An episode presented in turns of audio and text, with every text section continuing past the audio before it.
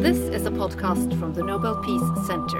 In this episode, you will hear the lecture about Nobel Peace Prize laureate 2019 Abiy Ahmed Ali, held by Chair of the Nobel Committee Berit Reiss-Andersen.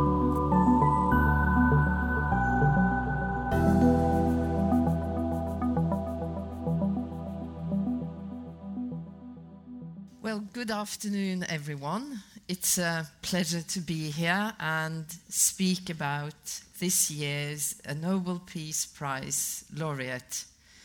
Now, um, there's some restrictions on uh, my intervention here because, as representing the committee, I cannot really give you um, different information or other elaborations than I gave yesterday when I announced the prize. Um, but before I start to speak about Prime Minister Abiy, I would like to draw your attention to this will hanging on the wall. It is a handwritten document of one page, uh, designed without lawyers present, because Alfred Nobel stated that lawyers didn't really clarify things, so he preferred to do it on his own. And this will instituted what has become the most prestigious prize in the world. And it is this most prestigious honor that uh, we have um, bestowed on the Ethiopian Prime Minister. Um, I'm not an expert on Ethiopian politics. My expertise is to identify exactly the criteria according to the will to find the person who is most deserving, uh, who has given the greatest contribution to mankind um, by peace efforts in the previous year.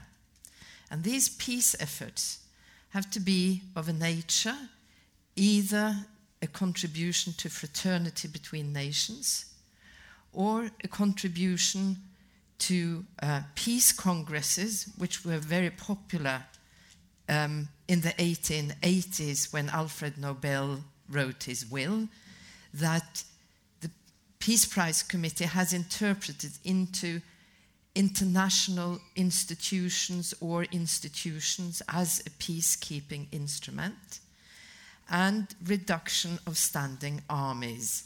Well, we don't really have standing armies uh, uh, to a great extent anymore, but this is the reason of the prize um, that is disarmament. And I believe this year's prize touches upon all the three criteria, even though it is not enough to fulfill one of them. But perhaps the most dominant criteria that Prime Minister Abiy meets is his contribution to fraternity between peoples and nations. I have been told that in Ethiopian politics, it's all about ethnicity. It's a federation of nine regions, and there are conflicts, but there's also a unity between the peoples and the different ethnical groups. And one can often wonder why, how it happened that a relatively young person like Prime Minister Abiy has managed to achieve all that he has and perhaps there is something in his background. Being a son of an Oromo Muslim father who lived a traditional life with four wives, and his mother being an Amhara, uh, a Christian. And already then we see there is an element of being born into an environment of fraternity between peoples. Uh, as you probably also know, um, Abiy Ali had um, a short um, spell in the resistance movement against the Marxist government, the Derg movement in the early 90s. And then uh, the military regime fell, and he entered a military career where he got his education as um, an engineer, and he um, became, um, I think you call it lieutenant, colonel lieutenant, um, in in in uh, the army, and um, working mostly with um, intelligence and security issues. Later, or ra actually rather recently, he has also um, taken an academic degree in international relations, and he has, um, in the field, experience of being in uh, the UN peacekeeping force in Rwanda. And I think his um, heart is very, and his mind is very influenced by this conflict. And I will not claim that I know and understand all the political forces that led to the election of um, Prime Minister Abiy uh, a year and a half ago in April 18, uh, 2018. But it seems to me that what often happens after a long spell of an authoritarian political environment, it sort of gets tied, it fades out, an opposition of a new way will develop, and an opening comes because Abiy was not the obvious candidate to become prime minister, but he was in fact elected as prime minister. Um, still with opposition from the parties of the coalition that his Oromo party is a member or is a part of. Um, but already in his acceptance speech as prime minister, he makes very bold political declarations of um, wanting to uh, approach Eritrea um, to implement, to, to make peace, or at least make end of the no peace, no war situation. He uh, talks about great democratic reforms. He talks about gender equality. And he not only talks about it, he makes a great consequence of it that um, half his cabinet is uh, are female politicians. And uh, he has also, in public administration, uh, appointed several women in very high positions. Uh, my favorite uh, is um, that I've listened to speeches on the internet is by the new Chief Justice in the Supreme Court, who has very interesting ideas. I understand the position of Chief Justice in Ethiopia must be more than only leading the Supreme Court, but is a kind of administrative position also for the justice sector. And she speaks very boldly about prison reform, legal reform, legal aid, um, etc. And that is, in my mind, very interesting because it also shows that the policies of Mr. Abiy is not only um, making these bold statements, even though he is criticized for making more statements than actually doing. But he has entered the road of a reformation of institutions that really are the backbone of a country.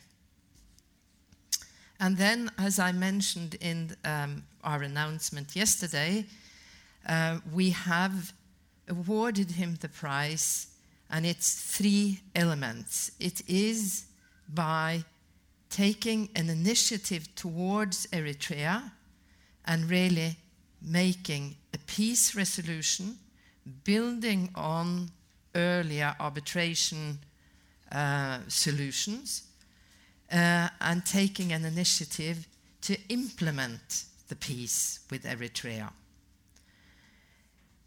He's also awarded the prize for releasing political prisoners, opening up um, society to democratic um, development, a greater respect of human rights, reforming the justice sector, etc.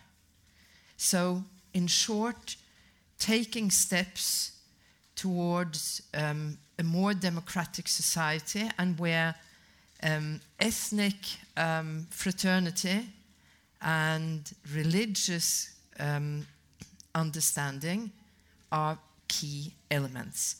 And then it's his third role and his, the third reason for giving him the Peace Prize is the role he has taken upon himself of not only running his own country, but being a facilitator, a mediator for several peace initiatives in the region around um, Ethiopia. And when Olav called Prime Minister Abiy yesterday, he had said on the phone, Peace is a rare commodity in our region. And he was very humble, extremely touched by being awarded the prize, and um, he um, thought it would be very important um, and a very important encouragement for his future work.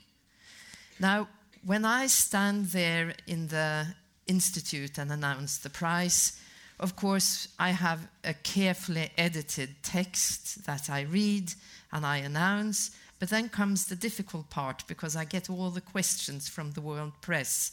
And during the day and the afternoon and following hours, uh, all the commentaries are made. And I've listened very carefully to them.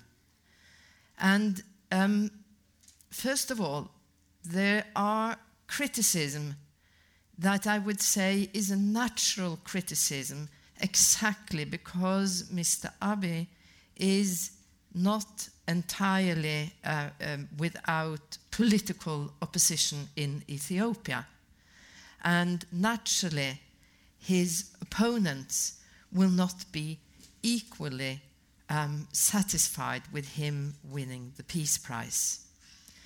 And then there's also been some um, criticism, or at least questions.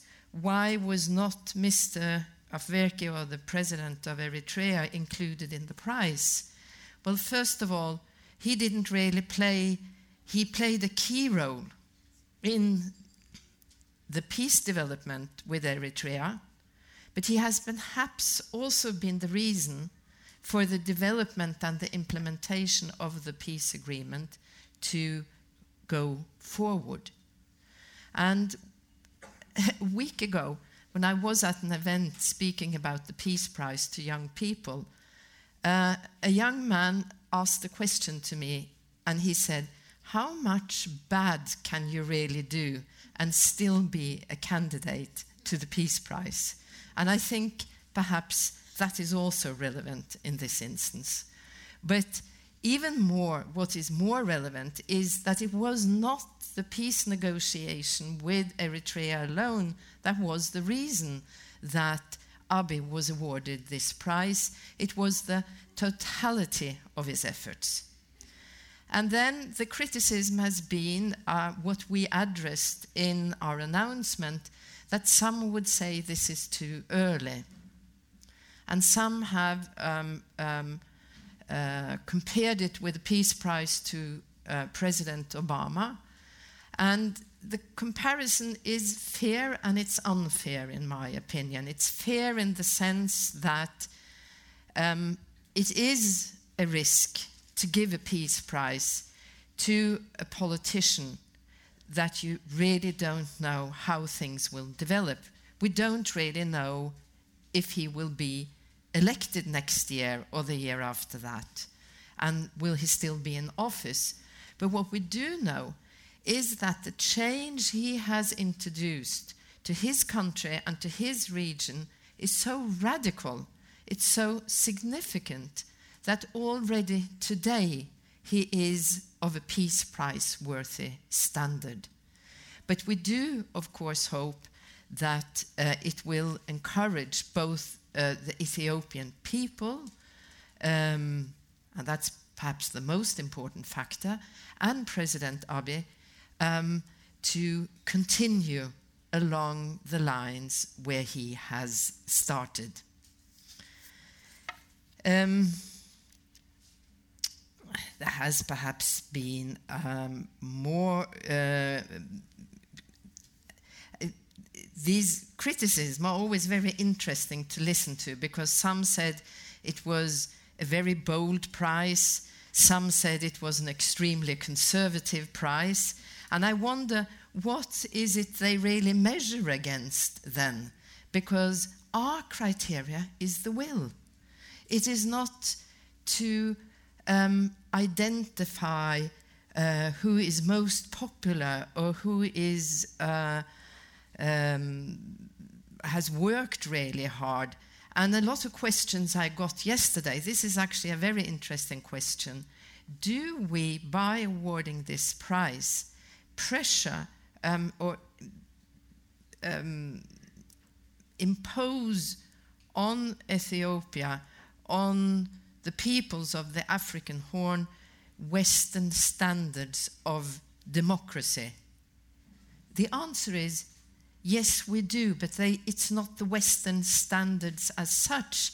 It's the idea of Alfred Nobel, who had this fantastic fortune. He was the world's richest man when he died, and he wanted to spend the excess of his assets to encourage people who exactly wanted to make peace, and peace in the manner that he encouraged by fraternity. And fraternity is democracy and development of human rights by disarmament. And it's not a, a political statement from the West as such, but it is a political statement from a man who died more than 100 years ago and has made a great imprint on the world by exactly putting forward these standards and creating the tradition of the Nobel Peace Prize. Thank you very much.